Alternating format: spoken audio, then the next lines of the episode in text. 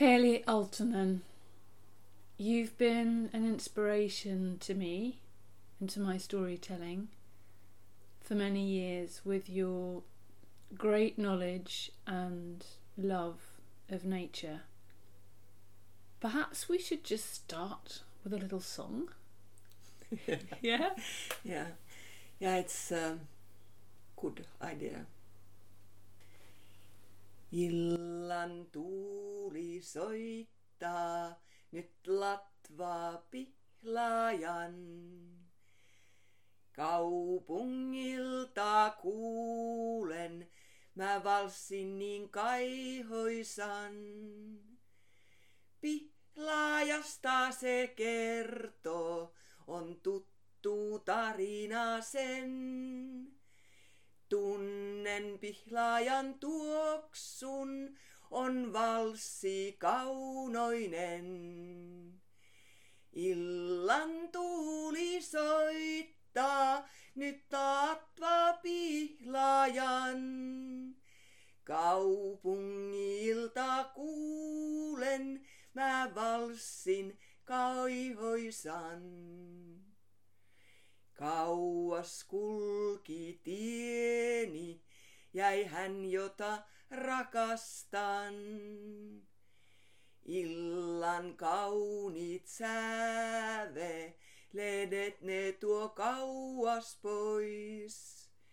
Sinne pihlaaja jäänee, sinne jäi se vain taas. Sinne pihlaaja kulki ja olen yksin taas. Kenties kerran vielä soi tuuli lauemmin. Tällöin pihlaajan tuoksu, se tulee uudestaan. Hey, what a lovely sound. What is that song singing about? Ah, it's about um, rowan tree, which is um, holy tree in uh, Finnish uh, like uh, folk mythology. It's actually a Russian poem.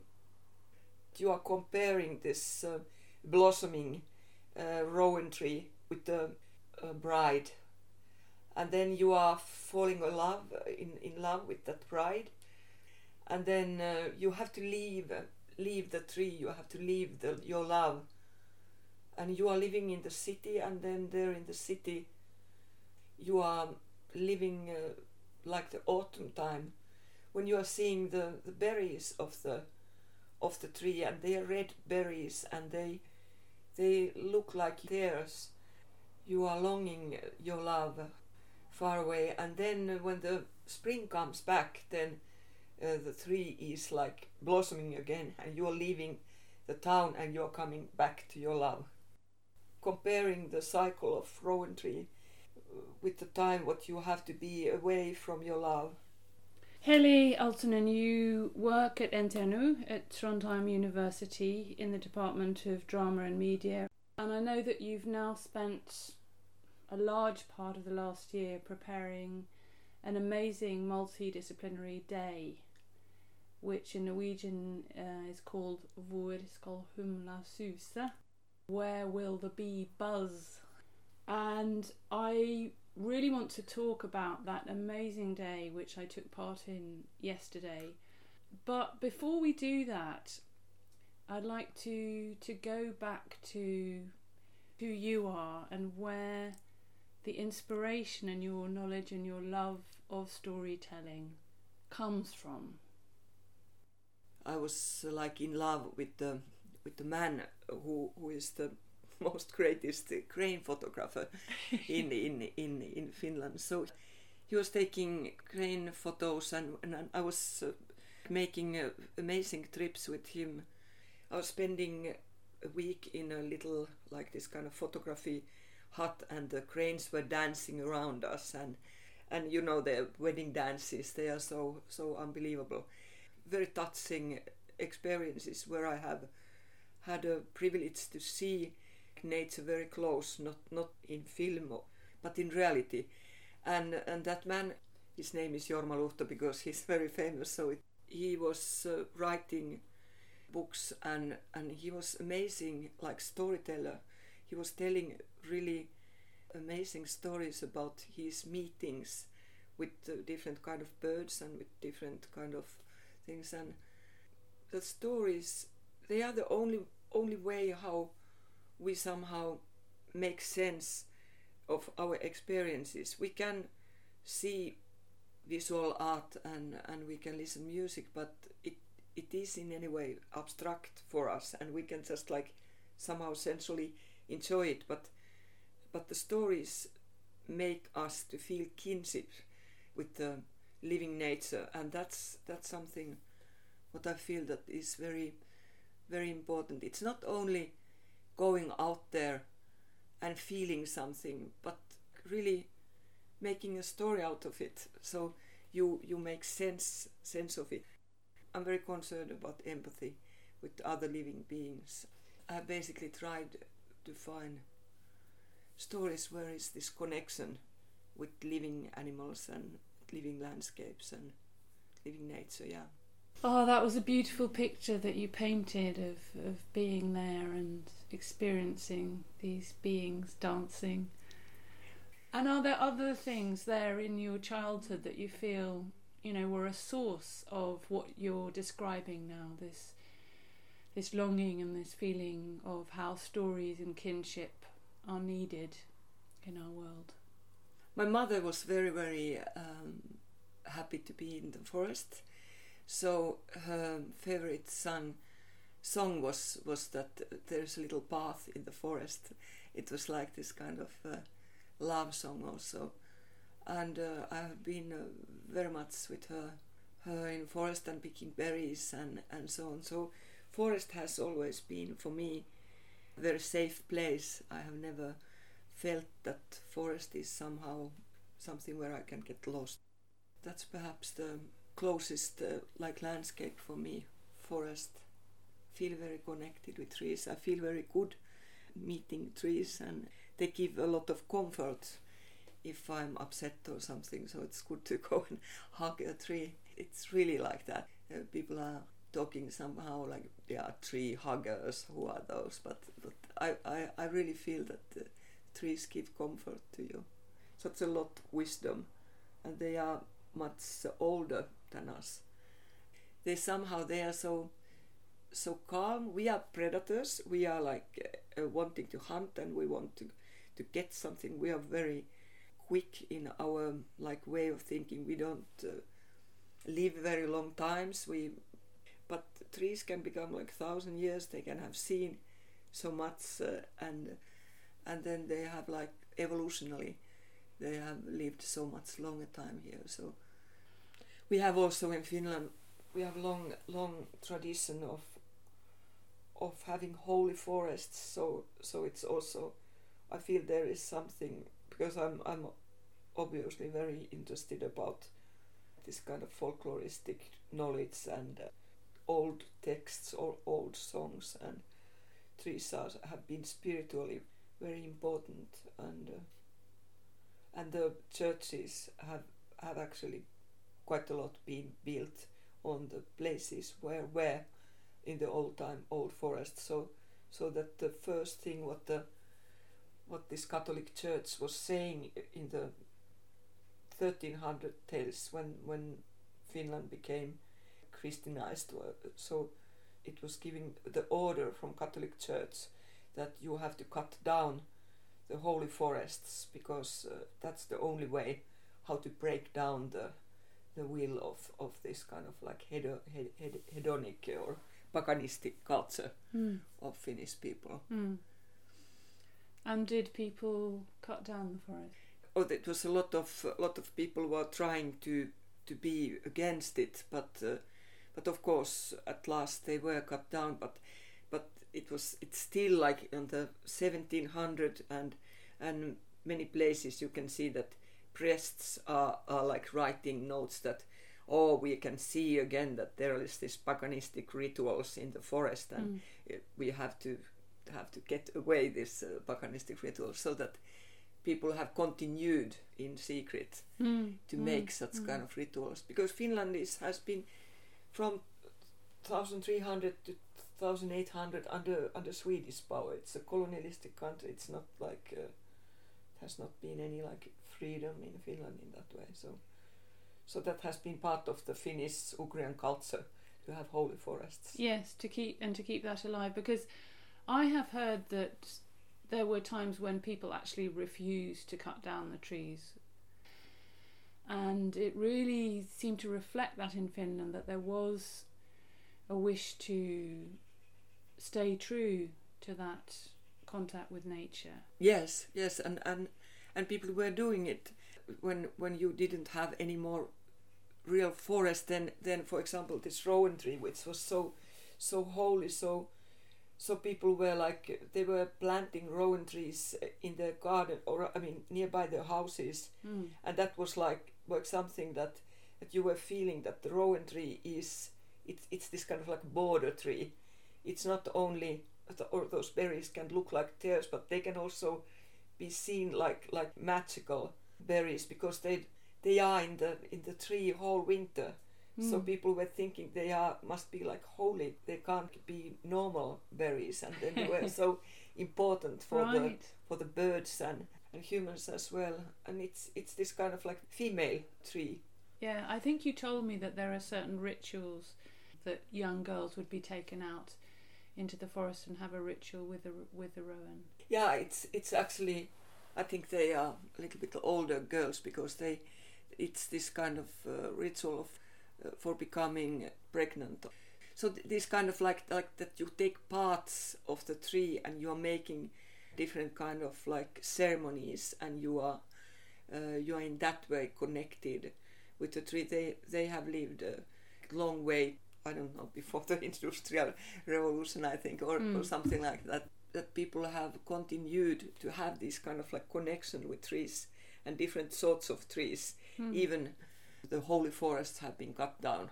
The connection is still very strong, or, Mm. or was was very strong, and we are feeling it uh, still in many ways. Uh, I have a lot of uh, ordinary people are feeling very connected with with forests. Yes. And to come back to the song that you sang in the beginning about the rowan, is song important to you? Is it important to the Finnish people? Yeah, it's extremely important because this uh, runo singing, the culture, it's a way of storytelling. It's a way how the people have passed uh, the knowledge and, and the wisdom from one generation to to another.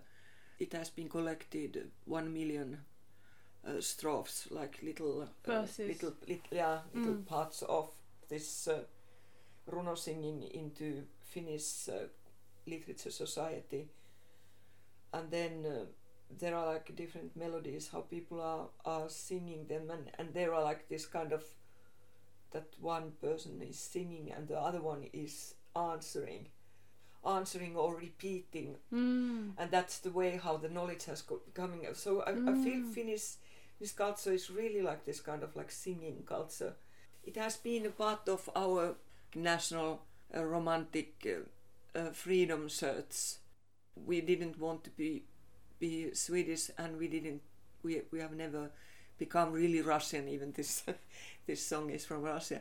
But uh, we we wanted to be finnish and that's why we searched a lot our roots in in Ural and and and then that, that there were very many important uh, collectors. Elias Lönnrot was obviously one of the im- most important. He was the man who then collected Kalevala, Mm. uh, but there were very many others who were collecting this runo singing on the east border Mm. it was living living that that time there and it's it's amazing stories how those those collectors are saying that when they come to the to the little uh, village then it's suddenly like everybody is singing the man who is like picking up them with the with the rowboat is like having some kind of song when Mm. he's he's rowing the boat and then they are coming to the shore and then there are some people are like working and they are singing when they are when they are working and then they are telling stories, epic stories, and that it's like in the form of singing. Mm.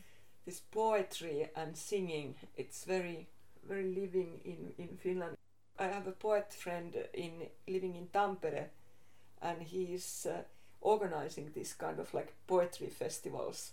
They are very popular festivals. People are like really, they, they really like like that. Uh, have this kind of like poetry performances. Uh, now they are obviously singing like uh, black metal and hard rock and, and punk. Different kinds of uh, of of screamings and whatever, but but but it's um, of of course there are folk music festivals where you can hear yeah, yeah, runo yeah, singing. There are very talented runo singers. yeah, yeah. People are using it uh, Sure. or doing it at the at the moment as well. Yeah, it's it's funny in a way that this comes up now because we've just in Norway had this klimabrøl, which means like a a shriek or a kind of how do you say it in English? Um, or no. Roaring. I think it's roaring. It's roaring about the climate. Yeah. And really, I feel for the first time, the Norwegian people have got out on the streets. And like in Oslo, there were 9,000 people. There were people all over a country who were roaring about the climate. Yeah. And I think to use their voice in that way, I hope and pray that it will actually activate people. And I think that's actually quite closely connected with what you're talking about here. Yeah. And it's so beautiful that in the Finnish culture, it's not just one person performing, it's a, a collective cultural happening. Yeah, yeah, ex- exactly. This runo singing has been, it, it has like a form, but then you can improvise inside the form. And it's, it's quite interesting this that you are saying, you're saying in Finnish that this epic, epic singing is like more like, it's kind of like male way of telling, but then the, the female way of, of telling has been quite a lot this lamenting or this uh, kind of like how do you call that? You are like crying. You are you there are this crying crying Mm. tradition cry cry women who have uh, then improvised. Nobody can really like if if you have for example wedding or if you have had because the swedish uh, government took all our finnish men to the wars Mm. so there is like a special category for this men going to war you never saw them again Yeah, Uh, yeah. that's so like you, this kind you of- really needed to lament about that. yeah you know. yeah so there's the eternal uh, divorce it's this kind of like that you are going to married i can't see you anymore you are going to war i can't see you anymore or you are dying i mm. can't see you anymore. Mm. And these were those special occasions where you were ordering these lamenting women mm. the crier women to, to your your house to make those songs. And they they were basically improvised or, or they were like making for that situation or for that occasion. And then the other people they could just like like you know they could of course show their grief and and cry together but they were not able to sing together with that that woman because it was improvised. Mm. but then this uh, this like this runo singing is different. It's that kind of that you take part of something you are answering you are becoming like a group of people who are who are doing it together. And you're now you've been living here in Trondheim for many years. yeah In a sense, you have been divorced from that culture, that singing. How is that? it's sort of um, like really happy thing has ha- happened to me that I I have become uh, like grandmother almost um now one year ago. The girl Amelie, uh, she she will become one year in the middle of October, and and that has been like my big uh, pleasure to to start um, uh, singing again. So so that you you need to have a company when you are singing, and and then then it's it's lovely when when we have been singing together with my daughter. Before she was born yet she, so she, we have been singing a lot of finnish songs. Then then now when she's almost one year she, she i can really see that she she like recognize some of the songs and she gets really excited and happy and and so on. So being together and sing together uh, is like extremely important. It's uh, it's really important, and it's also something when I'm seeing like that the Norwegian people or English people or uh, or people from Azerbaijan when they are like uh, having these moments of of of singing together. It's it's like it's giving this kind of like a deeper peace in yourself mm. because you are somehow like coming back. You are coming back somewhere where mm. you are feeling safe. It's it's it's it's really nice. There is in Astuvansalmi. It's it's like close by eastern border. There is a big rock painting, and that rock painting is is very large. It's about 40, 40 meters. You have to take a boat, and then when you are in that boat and when it's right light, you can see there's many elks painted on that uh, that wall, and then there is one very interesting uh, figure. It's it's um, it's a female uh, figure which has an arrow and bow. Her name is Tellervo, and this painting is about four thousand years ago. So we will travel back in time, very very long time back. Tellervo was a girl who was so interested about little insects, little birds, everything what was living around her. And before she can, could talk, she could say, she was, imi- she was imitating all different kind of birds and suddenly people around her could see that she was the one who could easily understand the language of different animals and birds because she was so much with them.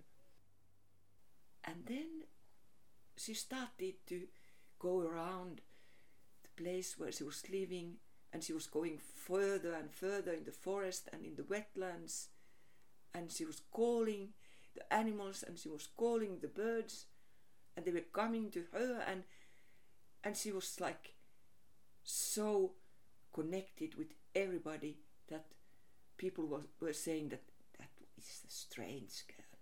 But when she became a little bit older, she became a very good hunter. So that she was providing that little place with, with food and with um, meat and fish and, and so on. So it was once so that people were saying, you know, Tellervo, now it's coming a big winter. It's coming a cold time. And we need a lot of meat. We need to have we need to have elk. No, no, no, no, no. No, we can't have elk, said Tellervo, because it's it's not, not possible. Elks are too big. I can't I can't hunt any elks. It's too much. I mean, they are my friends. They are helping me with, me with hunting, but I can't I can't hunt them. Yes, you have to go and try it, said people. And then one night, when came out from his hut, he was looking up. And yeah, it was a full moon, and the clouds were saying to he, her that it was the right time for hunting. And she was calling her, her helping spirits with her. She took her arrow and she took her, her bow and she was going up to the hill through the forest and there she saw the most amazing elk. It had a crown and that crown it was like shining in the light of the moon. And she was moving like the shadow of the moon. She was moving so quietly and she was taking her arrow and she was taking her bow and she was shooting. But elk was disappeared. There was no elk there anymore. And then, it was on the other side. And then she took again her arrow and her bow and she was shooting. but no elk anymore. And she was doing it so many times so that at last she had no arrows at all. That elk was like playing a game with her. In the morning, when she came back to her hut, she was so tired and she had no arrows anymore, and she was so disappointed. No, I can't. I can't hunt a elk, she said to her, her people. And the people said, Okay, we understand that you can't hunt that elk because you have been trying to hunt a sun elk. You can't get sun elk. That what you are describing is a sun elk. But I want to get a sun elk, said Tellervo. I, I, I don't want any ordinary elks or something else. I want a sun elk. And so it happened that the days got darker, and people said, Sun elk has left us. You can't get him. You know, he's away. Tellervo was so obsessed. She couldn't sleep anymore. She couldn't do anything anymore. She was just like thinking about getting the sun. So she had to ask the northern lights. Revontulet, it's the fox lights. She had to get fox lights to the sky to see where the sun elk had disappeared. And she was, she was saying, Puhalla punainen lanka, sinirihma siuhauta, poikki Pohjolan joesta, poikki Pohjolan joesta, punalanka siuhauta, poikki Pohjolan joesta. And she was waving her body and she was singing and singing and singing. And the northern lights came and they were around her and they were circling and circling and suddenly she was not anymore there. She was away. Only the arrow and bow were left. So they didn't know where, where she was. And this was really, really hard winter because there was nobody who could hunt rabbits or, or whatever animals to the people. So they had to keep on eating berries and they could take like the skin from the tree and make some bread out of that. But it was a hard, hard winter. Then one day, oh, sun is coming. People were coming out and they were seeing that sun, sun was coming. Sun elk has not left us forever. Sun elk is here again. And people were so happy. They were going around and they were hugging each other. Now they could be sure that Sun elk has come back. But what was that? They're like on the side of the forest, there was somebody. Tellervo! What are you doing there? Are you. Have you come back? People couldn't believe their eyes.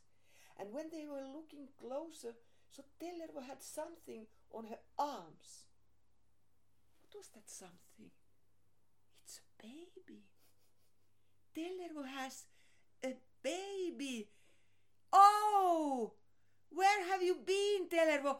Why didn't you tell that you have some like a deer? What what what is this? What is this thing? What? And Tellervo said, You will never believe what I have experienced, but I make a try. when I came up to the sky, I met, I met Sun Elk fighting against with the elk of darkness. They had crowns together and they were fighting and fighting. And you know how the male elks are fighting, so it's not like a very easy fight, it's very strong fight. And then Sun Elk won that fight. And Sun Elk showed the way to the little hut. It was far away from us. And you know, when I came into hut, It was so cozy. Everything was there what was needed. And when Sun Elk opened the door, he was not anymore Elk. He was so handsome. He was so gorgeous. He was so fantastic man. And we spent quite a lovely winter together with him in that little hut. And you know, now it's so that this little baby, she will become leader of the elk clan because she can become sometimes elk and sometimes she is a human. And that's how it was. That little girl, she could become sometimes elk and she was sometimes a girl. And so those people they started to call themselves elk clan.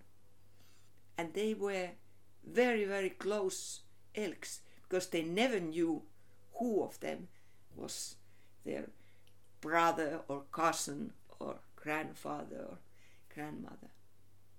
So this is a start of elk clan. Mm. They were like in the west, uh, in the west Finland, elk clan, mm. and in the east, uh, bear clan, and mm. then in the north, swan clan. Swan. Yeah, those uh, like. Yeah, the white. Swans. White bird. Yeah. Thank you so much, Heli. What an amazing story. I loved in the beginning when the little baby was learning the sound of the insects and the birds before the human language.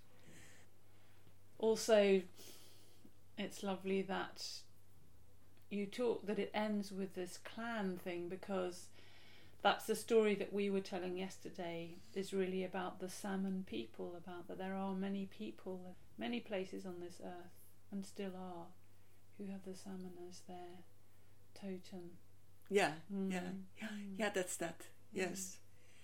yes that we have this kind of like uh, deep uh, respect on that um, animal and, and mm. that uh, tree or whatever it is uh, because it's our like totem totem animal it's um, it's in it, it's our ancestor exactly and that's in the story that you've just told yeah there, that. there is yeah. an example of that how well you wouldn't want to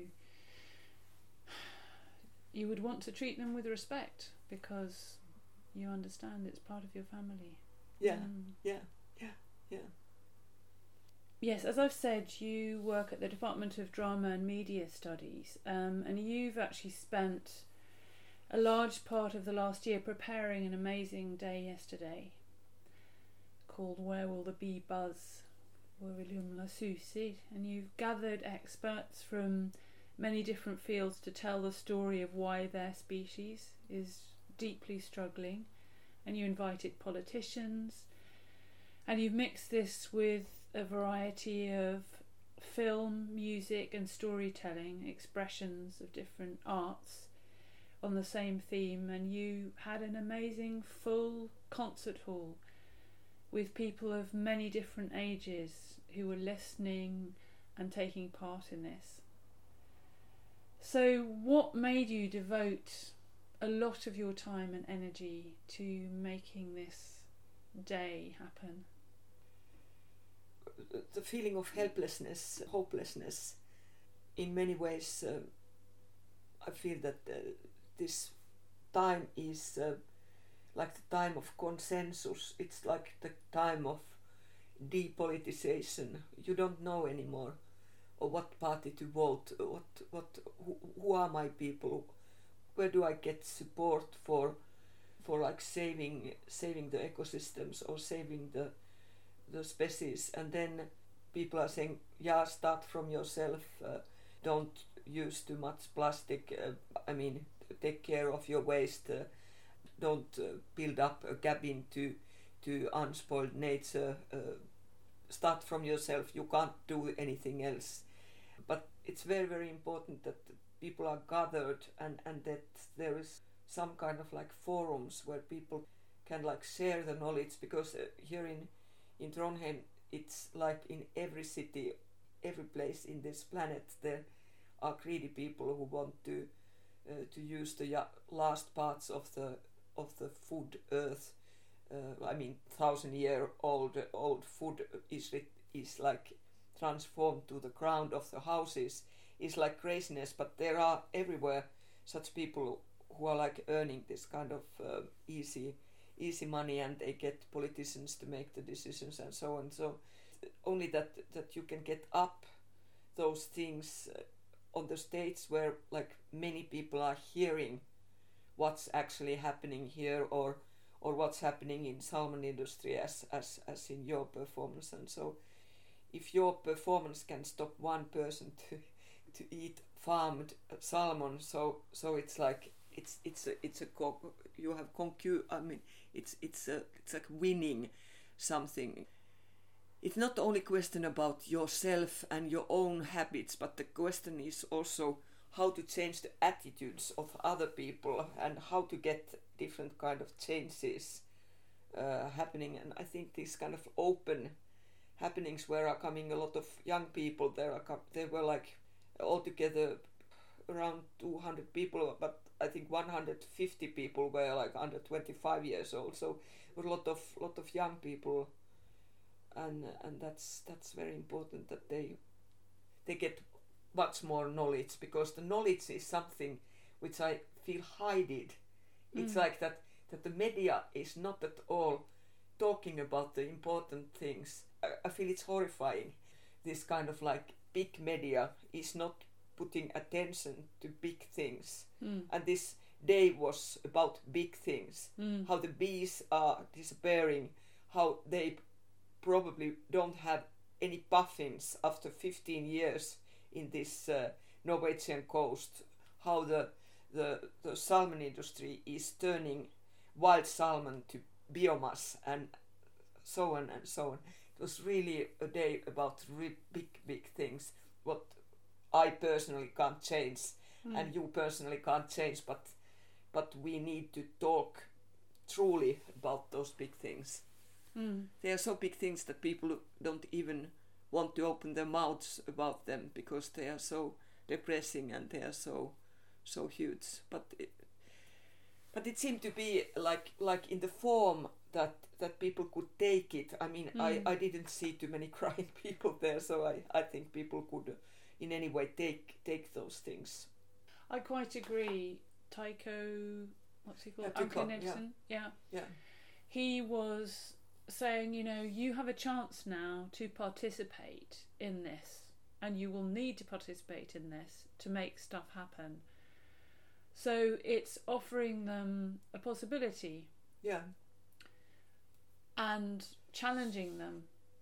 And how do you think that storytelling can really help us at this terrifying moment in our history?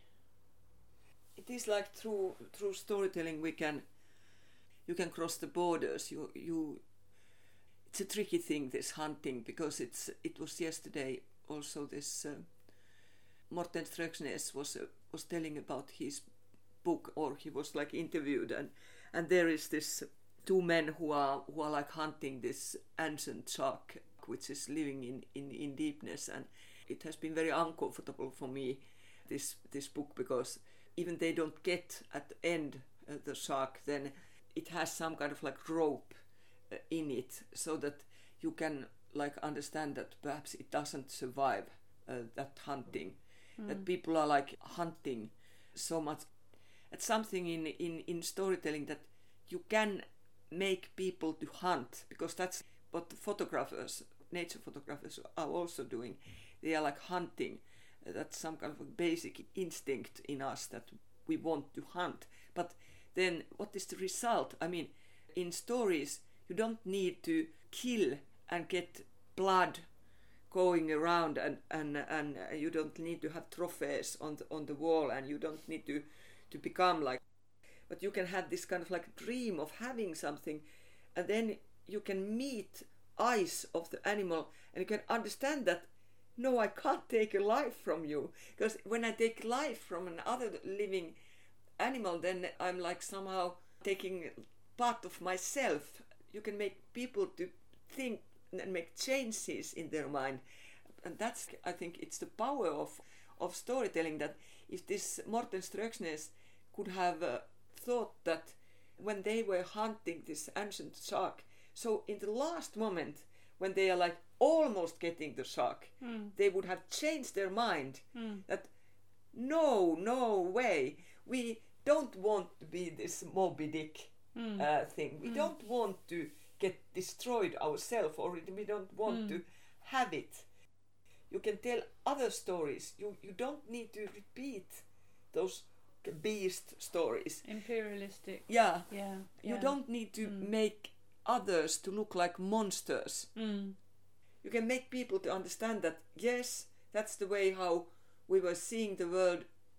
Let's kill. Let's Mm. s- let's feel other ones as monsters but then you can make some changes you that's Mm. that's like the power of storytelling that that you can all the time rearrange and retell i was once working with a group of people which was like multilingual the task was they were needed to find like a childhood story which they could share with each other there were three groups and they were around like 12 people or something and then they were thinking about the story what they all would know and they all all these three groups came up with uh, wolf stories Yeah.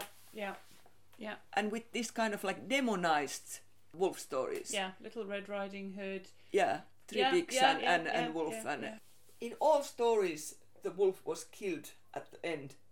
And i was like making them like conscious that do you really understand what what are you like telling? You can then rebuild this little red riding hood as, as there is this one jack chips uh, version where where the grandma and the little red riding hood like saving the last wolf of the woods. Mm. because the hunters are after that I'm so glad that you brought this up, Heli. It's so close to my heart because, as you say, that is the most common story in you know in in Norway and in so many different countries, in Afghanistan and Iran Yeah. and all over the world. And people will, storytellers will tell you, yes, but this is just a symbol. This is, you know, it's not a real wolf.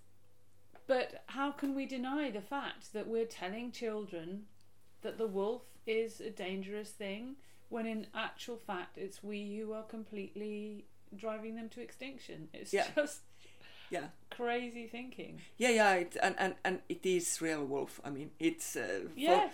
because I, I believe in the power of storytelling so it is absolutely real wolf I quite Yeah, agree. I yeah, quite agree. yeah. It is real. At the same time, it's also on a mythic level, a symbolic level, but it's also on a real level. Can you tell us about some moments yesterday? What do you remember? What moved you during the day? Um, there were um, a lot of moments which I, I found very moving. It, Frode Ødegaard, who, who is this uh, researcher of pollinating insects, so so he was talking so fantastic way about the bees when he was saying that bees are a little bit like us. They Mm. they need variation of the in their food, and they need a place to stay. It's it's so simple Exactly. they, they yeah. need uh, they need different flowers and they need a place to stay so then it's um, very very important uh, short film what uh, Sissel and Barry made It is Chachi it's a South South Sami lang- language that means water and uh, she was like bringing up this kind of mythical uh, Sami person like who was like observing uh, what people are doing in the in the shore of of this uh, Trøndelag and and she was visiting fishing boats and uh, salmon factories and uh, and and these kind of salmon farming things. And it was sort of uh, really sad to see what what she was like observing. But at the same time it was like this kind of just giving this kind of like feeling that it, it doesn't matter with what we are doing. I mean the, the only harm what we are doing at the moment uh, in the big run is that we are killing ourselves. That she will be observing those shores after we have destroyed everything. The life will not end. I like that my grand grand granddaughter would have had life, so so that's why it's it's it's really really yeah. It was just important that she brought up this uh, these salmon salmon factories again because it's it's quite amazing that it so big billion industry there's this kind of like fairy tale salmon stories here that it's it, it's in some way good because it's it's like making so so much harm so Mm. so it's important that she was making that little short film film about this old knowledge and the new knowledge against it so it was it was very much resonating with your own performance then at the end which i find so so unbelievably important. And it's so interesting your performance when you, when you are having this like story of farmed salmon is telling how confused he or she is and what's happening then and and how how, how deep depression this uh, these uh, fishes have. So that then uh, every after every performance or I have seen now only two times your performance but after both performances I hear people saying I will never eat any more salmon people are like like getting so much new information and and are so deeply touched And I think that your what happened yesterday was also, you know, that amazing old guy playing the saxophone with that beautiful film. You also see the wonder of a human being and what it can do alongside the horrible greed that's that's driving us to destruction. yeah So I think that that's to me that's what that day was. It holds up both things. It's not just the negative, but it's also the power of and the beauty of life. Yeah, yeah, that's that's very beautifully said. That was the meaning, of course. There were two researchers, this Frode Ødegaard, who was talking about pollinating insects and the, the loss of them and, and what threatens their existence, and then Tycho Anker Nilssen, who who is such a big personality. He is like amazing man. He has worked from 80s in this uh, Røst Island and has been observing how one million four hundred thousand puffing birds have become 250,000 these days and and he's like expecting that puffins will disappear in next 15 years. It's these kind of like screaming facts which are like making me somehow like really crazy. Are, are there like nobody who is really loving the symbol bird of of Norway? Puffins are disappearing ah it's like and then then uh, there's uh, there's the one, this one one big big man uh, uh, uh, like Leonardo DiCaprio who has uh, got his big money from Hollywood and who is putting millions of dollars to some kind of like nature protection but I don't know I, I I've not heard any any Norwegian milliardaire or uh, millionaire who is putting any money to to protecting puffins or or that I don't Mm. hear that those people who are, who are very extremely rich would be interested about such things. We who are working with arts and who are working, working with uh, threatened st- species are like this different kind of natural scientists. We need to get connected and to show how excited we are Mm. about those living Mm. creatures Mm. and then uh, yeah because uh, that's that's exactly what we were all artists in their way were excited of nature and and the, the amazing animals and and so were the scientists yeah yeah, Yeah. yeah, Yeah. exactly. yeah yeah. yeah Yeah, I mean, there's this thing that um, our world is not dying, it's being killed by 71 people. There's the 71 richest people in the world, and two of them are here in Norway.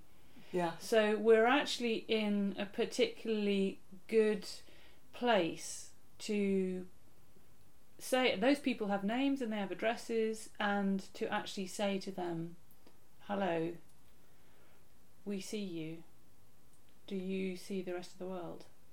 yeah yeah this branch of Rowan it was like protecting our event yesterday and I was saying it it in the beginning when uh, when I had uh, had picked some branches of Rowan Rowan Rowan is like really really important in in in Finnish context, and I was thinking that that it's the holy tree only only like in Finland, but it seems to be quite a Scandinavian thing that Yes. that there there are like in Scandinavia, and then um, they are in England. England they have called rowan quicken tree.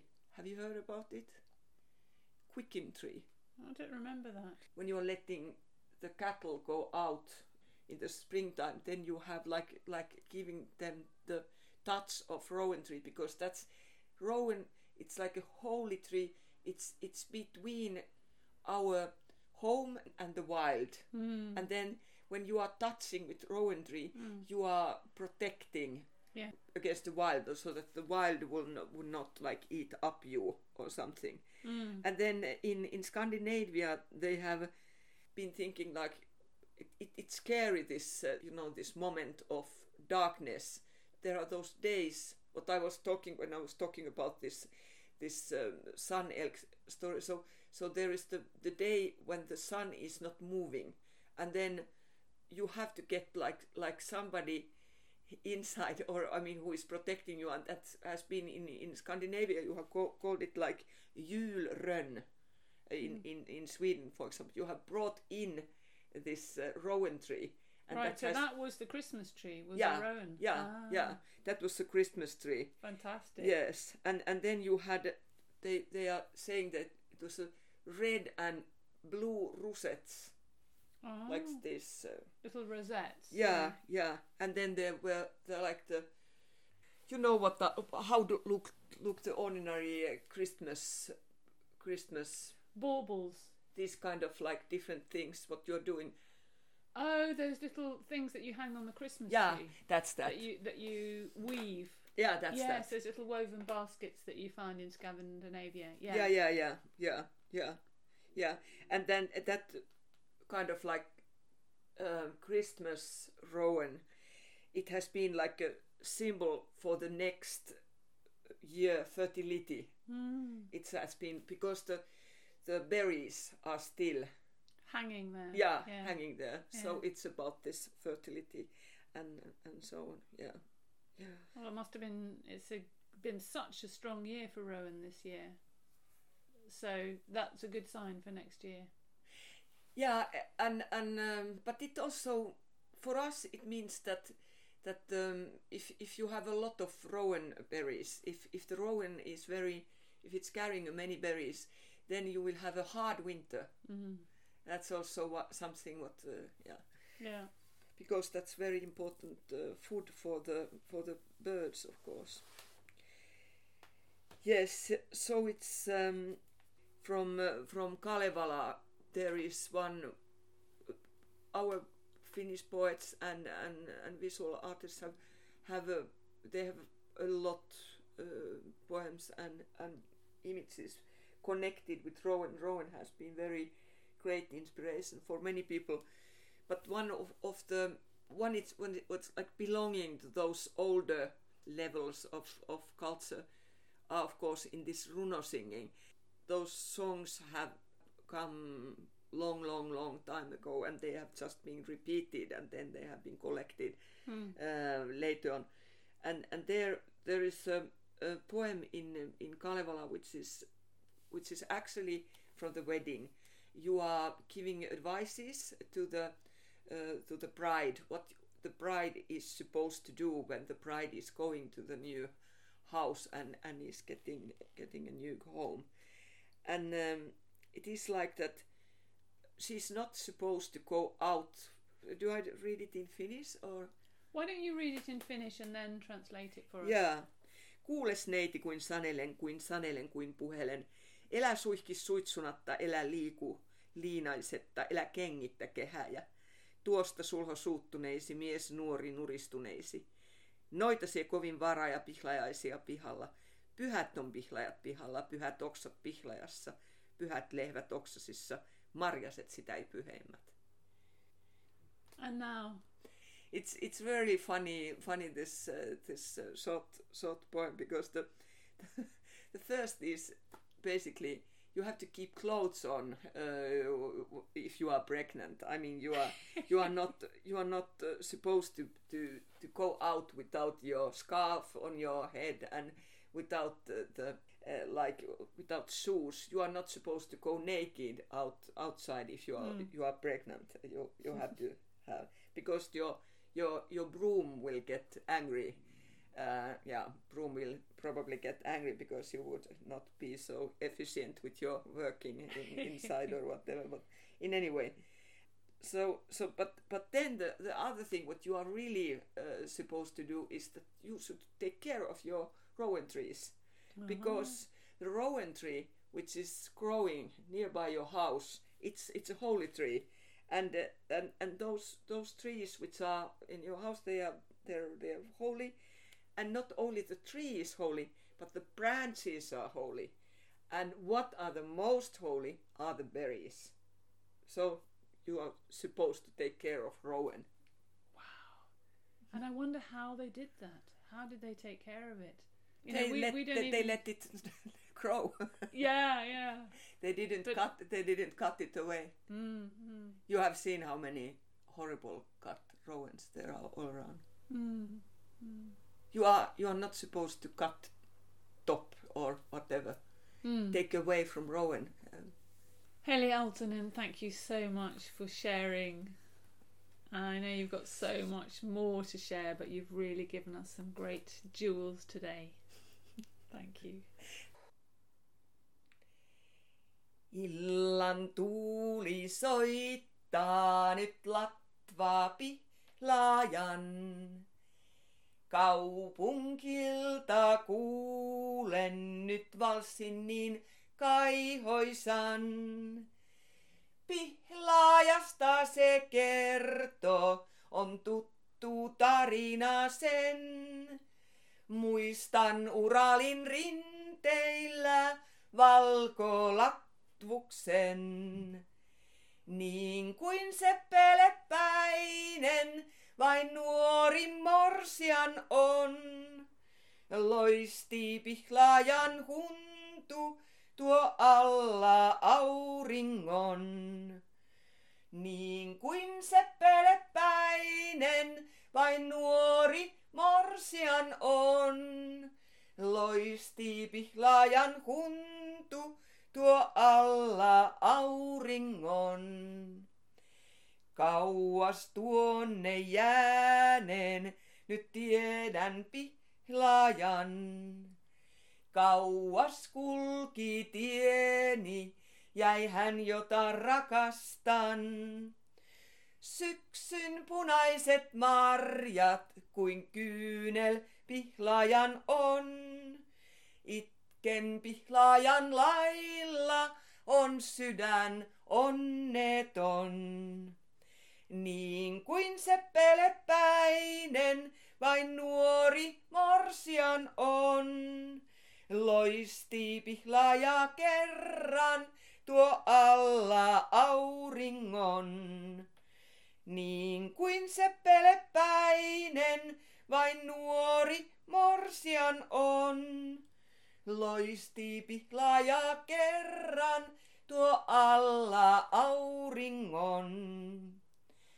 Kenties kerran soittaa taas tuuli lauhemmin. Kaupunkien pauhu jää taakse viimeinkin. Missä pihlaaja kukkii, taas armaan nähdä mä saan. Luonto puhkeaa kukkaansa jälleen kauneimpaan. Silloin se pelepäinen taas nuori morsian on. Loistaa pihlaajan huntu tuo alla auringon. Silloin se pelepäinen taas nuori morsian on. Loistaa pihlaajan huntu tuo alla auringon.